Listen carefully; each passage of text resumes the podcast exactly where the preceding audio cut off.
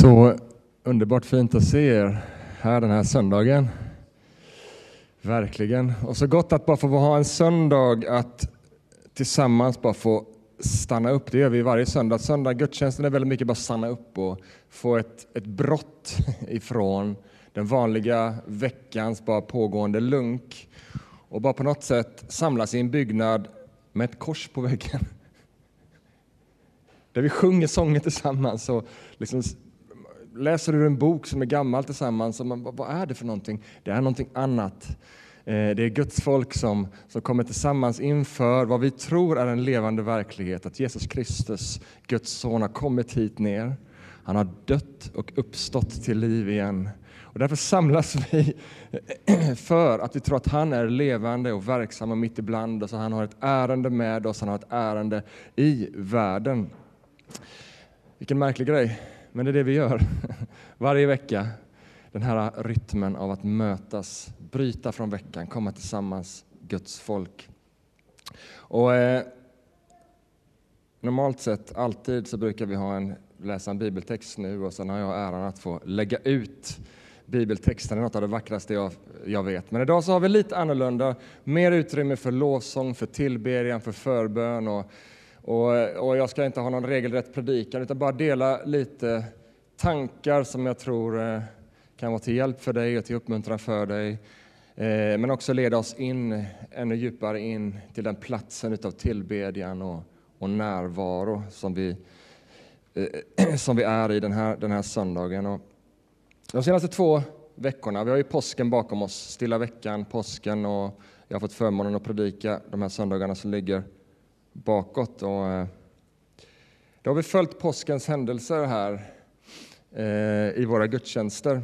Vi började med festen hos Marta och Maria och Lazarus i Betania. Jesus som rider in på åsnan i Jerusalem. En resa som slutar vid eh, korset på Golgata kulle. Graven och sen uppståndelsen som vi firade här förra söndagen så otroligt fint. En vecka som förändrade allt för alltid. Ibland springer bara påsken förbi. Jag vet inte om du har varit, kanske har du inte varit här eller någon annan kyrka under påsken, men du vet, påsken är ju så otroligt speciell. Liksom, verkligen epicentrum av hela den kristna tron, den veckan då allt förändras. Hela orsaken till att vi samlas här Jesus som bar världens synd upp på korsets trä för att dö bort med vår synd. Vi pratade om det förra veckan. Och vi pratade också om det här att när han dog bort med synden så skedde någonting, någonting mer. Syndens lön är döden, stod det. Så när han dog bort med synden så bröts också dödens förbannelse så att vi skulle få inte bara syndernas förlåtelse utan också liv och evigt liv. Det är därför som korset, märkligt nog, har gått från att vara en tortyrsymbol till att vara livets symbol för vad Jesus Kristus har gjort för oss. Livets symbol. Korset ger liv. Men korset ger också gemenskap. Kolosserbrevet kapitel 1, i vers 19 och 20, där står det så här. För det behagade Gud att låta hela fullheten bo i honom, alltså i Jesus och genom honom försona allt med sig sedan han skapat frid i kraft av blodet på hans kors. Frid genom honom både på jorden och i himlen. Och han har nu försonat er i sin fysiska kropp genom sin död. Lyssna nu. För att ställa fram er, för att ställa fram dig som helig och felfri, ostrafflig inför Gud. Wow.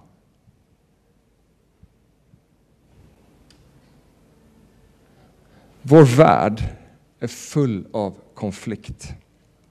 Men det räcker ju att gå till sig själv. Vakna måndag morgon, det första man känner är en känsla av konflikt. Ska jag gå upp eller ska jag sova vidare? Det, är liksom, det, det börjar redan där.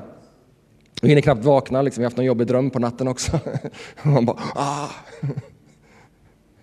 Sen kommer man till jobbet och vad möter man där? Ja, kanske konkurrens. Jämförelse. Och vi möter någon kollega som precis gått igenom en skilsmässa eller ligger i skilsmässa. Vi möter söndring och splittring. Men så står det om Jesus.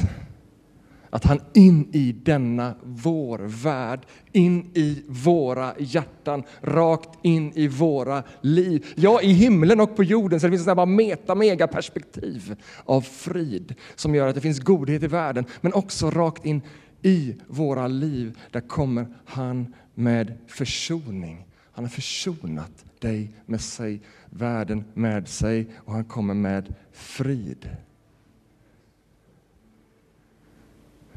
Och genom sin död så ställer han fram oss som heliga, som felfria, som ostraffliga, som om vi vore helt utan skuld. Att komma inför Gud är att komma inför honom som ikläder oss allt detta, som ikläder oss helighet, som ikläder oss och uppfyller oss med sin försonande kraft och frid som får sänkas ner i våra hjärtan. Frid mitt i stormen. Kanske har du ingen storm, så det blir frid i friden just då. Frid i våra liv. Frid i relation med Gud. Och där tror jag att det där går så långt mycket djupare än vad vi kan tänka. Frid med Gud. Det är lätt att relatera, okej okay, det är ofrid i min relation här med liksom min vänskapskompisrelation med Ellen. Vi har liksom diskuterat någonting och liksom, det är lite ofrid här. Liksom, jag kan förstå det, vi behöver reda ut det. Men så finns det där liksom som man, jag tror människor inte, varför känner jag som jag känner? Varför längtar jag efter något som jag längtar efter? Varför? Jag förstår inte mig själv. Jag borde ju ha allt och vara glad. Vad är det? Gud bjuder in oss till frid med sig, till frid med alltings skapare. Det finns en frid att möta i relationen med Gud. En frid med Gud, det är en gemenskap med Gud. Vi bjuds in i gemenskap. Och lovsång och tillbedjan som vi, som vi är mitt uppe i, skulle jag vilja säga, det här är också tillbedjan. Det är gemenskap, gemenskap med Gud. Tillbedjan är att dra nära honom jag vet ibland kan jag tänka så här lite grann att om jag ska lovsjunga lite här nu så, så kanske Gud vill välsigna mig. Det blir lite som att, som att en sån här godisautomat, ni vet, det finns det sådana kvar fortfarande, man stoppar i en sån här fem krona eller tio krona och så vrider man och så trillar det ut någonting om den fungerar. Eh, och det kan lite så här, som att lovsång skulle vara som att stoppa i den där fem kronan för att få Guds uppmärksamhet. Men tillbedjan är inte på det sättet Tillbedjan är inte heller någonting som Gud kräver på det sättet, utan tillbedjan är en plats dit vi bjuds in att vara med honom. Tillbedjan är godiset i sig självt. Tillbedjan är en plats där vi bjuds in i gemenskap med honom. Och korset och uppståndelsen gjorde den platsen möjlig. Den platsen är möjlig. Kan jag komma nära Gud? Kan jag komma inför en helig Gud? Det undrade Martin Luther, ni vet reformaten. Kan, kan jag komma inför en helig Gud? Korset och uppståndelsen möjliggjorde platsen till gemenskap med Gud. Lyssna här på orden från Hebreerbrevet kapitel 10, vers 18. Så, när synderna nu har blivit förlåtna behövs inga fler offer. Det behövs inga mynt i godisautomaten.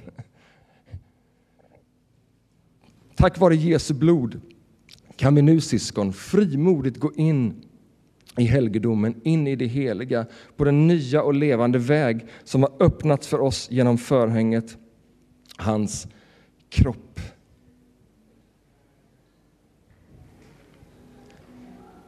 Tillbedjan är den här platsen av närhet. Tillbedjan är när vår lovsång, tillbedjan sker, när vår lovsång blir mer än bara en sång. Egentligen handlar inte tillbedjan om sång på det sättet, men sången blir en brygga för våra hjärtan att landa in i Guds närhet, in i det heliga, in i platsen där vi får möta honom som han är. Tillbedjan och lovsång är bön. Där vi kommer, så här i gudstjänstform, vi kommer personligt men samtidigt gemensamt, tillsammans, på en och samma gång inför Gud. Och sen går det bortom vad vi gör här. Tillbedjan är ett helt liv i insikten av att Gud är nära. Också måndag morgon kan vara tillbedjan. När man vaknar med den där känslan kanske, eller vad det nu är, kanske en jättepositiv känsla. Men oavsett, att vi får vakna med insikten att också här, också nu, är Gud nära. Hela veckan igenom är Gud nära. Och så är det också med gudstjänsten. Det är inte bara när vi sjunger, utan allt vi gör är tillbedjan om vi gör det med insikten av att Gud är mitt ibland oss. Jag vill på något sätt bara upp, jag vet inte vad jag håller på med här egentligen, men på något sätt, jag vill, jag vill uppmuntra dig och mig att se att den platsen är här. Platsen av Guds närvaro, platsen av intimitet och gemenskap med Gud. Den är här när vi inser att Gud är här. Man kan komma hit och det är fint att bara komma och snubbla in och så sätter man sig så tänker man inte mycket mer än på liksom något annat. Men jag tror att det blir en sån enorm skillnad i våra liv när vi kommer tillsammans så här och bara inser, just det, i allt som vi gör här nu så är han mitt ibland oss och Gud inbjuder oss till gemenskap med sig. Vi är här för att Gud är här. Annars kan det ju vara någon annanstans. Men vi är här därför att Gud är här. Gudstjänsten är en plats där han inbjuder dig och mig. Det är inte vi som kommer hit och inbjuder Gud. Han är här för att inbjuda oss in i sin närhet. Korset är en inbjudan till närhet för syndare som dig och mig.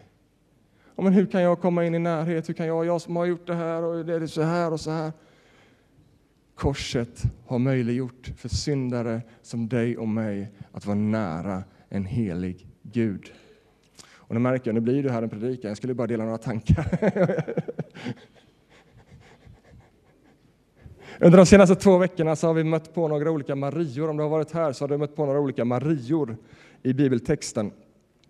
Olika Marior som har inspirerat oss till tillbedjan och att dra nära till den här platsen som jag försöker måla för dig idag.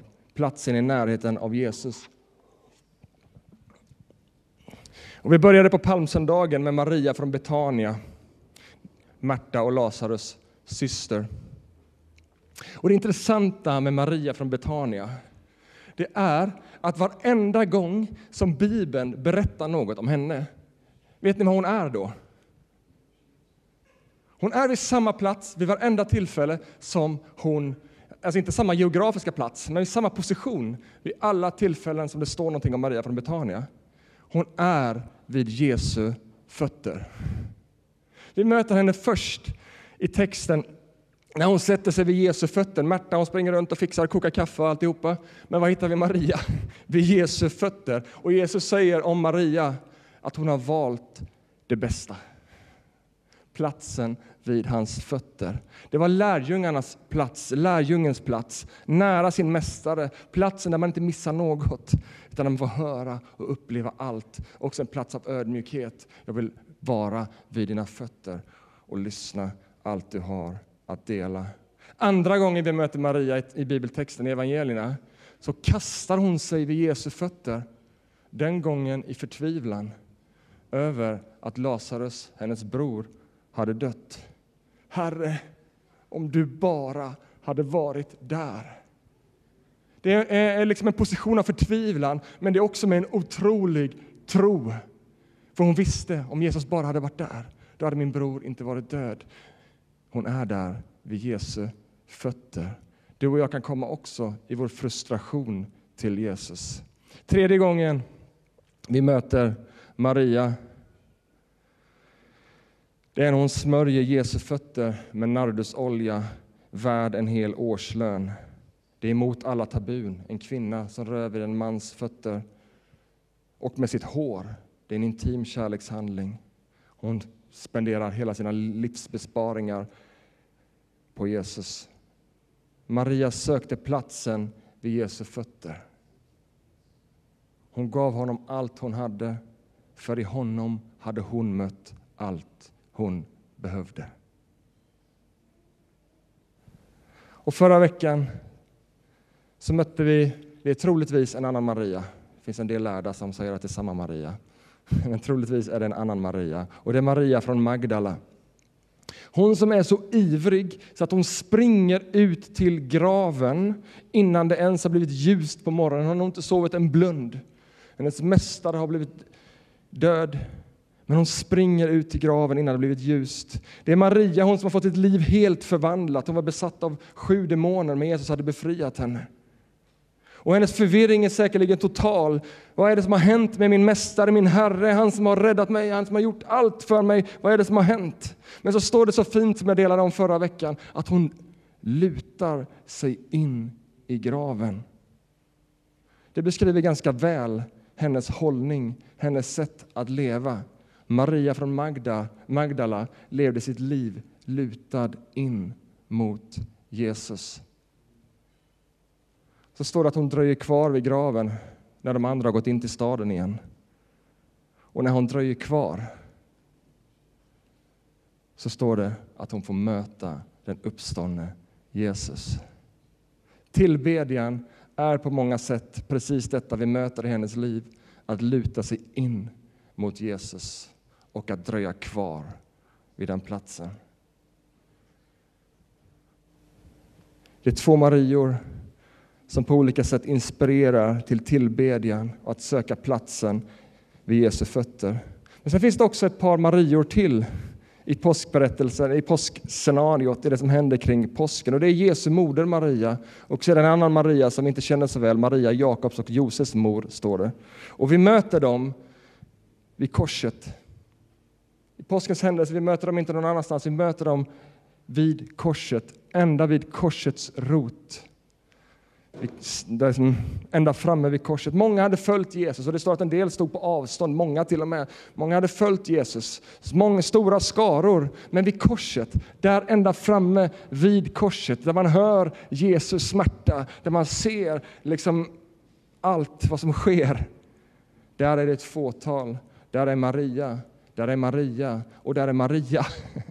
Och så har vi Salome och Johannes. De följde Jesus hela vägen. De övervann rädslan. De var där trots smärtan, troligen med känslan vad skulle vi annars vara? Han har ju sagt oss allt. Han är ju liksom, han är ju våra, han, åh, vad skulle vi annars vara? De kunde inte tänka sig en annan plats än att vara nära Jesus. En kärlek så stark att de var där för Jesus i hans smärta och död. Även om sanningen egentligen var tvärtom. Det var Jesus som var där i sin smärta och sin död för deras skull. Men det kom de att se långt senare. Och Jesu moder, hon är också där. Hon som har burit Jesus i sin mage.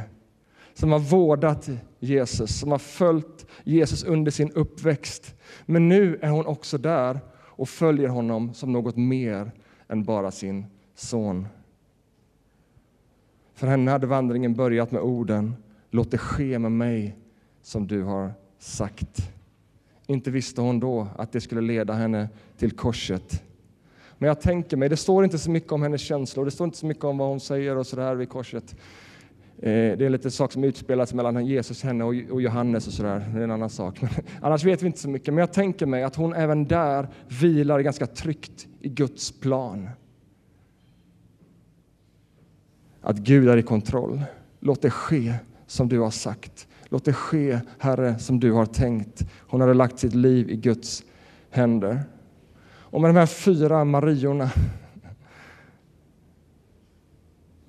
För mig i varje fall så inspirerar de till tillbedjan.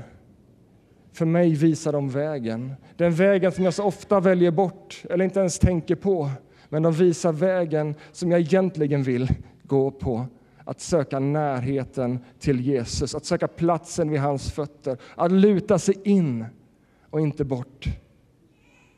att dröja kvar och inte springa vidare. Och att följa Jesus också när det är obekvämt. När alla andra ropar korsfäst, korsfäst, korsfäst. Nej, jag tänker inte stå på avstånd. Jag tänker gå hela vägen, hela vägen till korset och vara där, där Jesus är.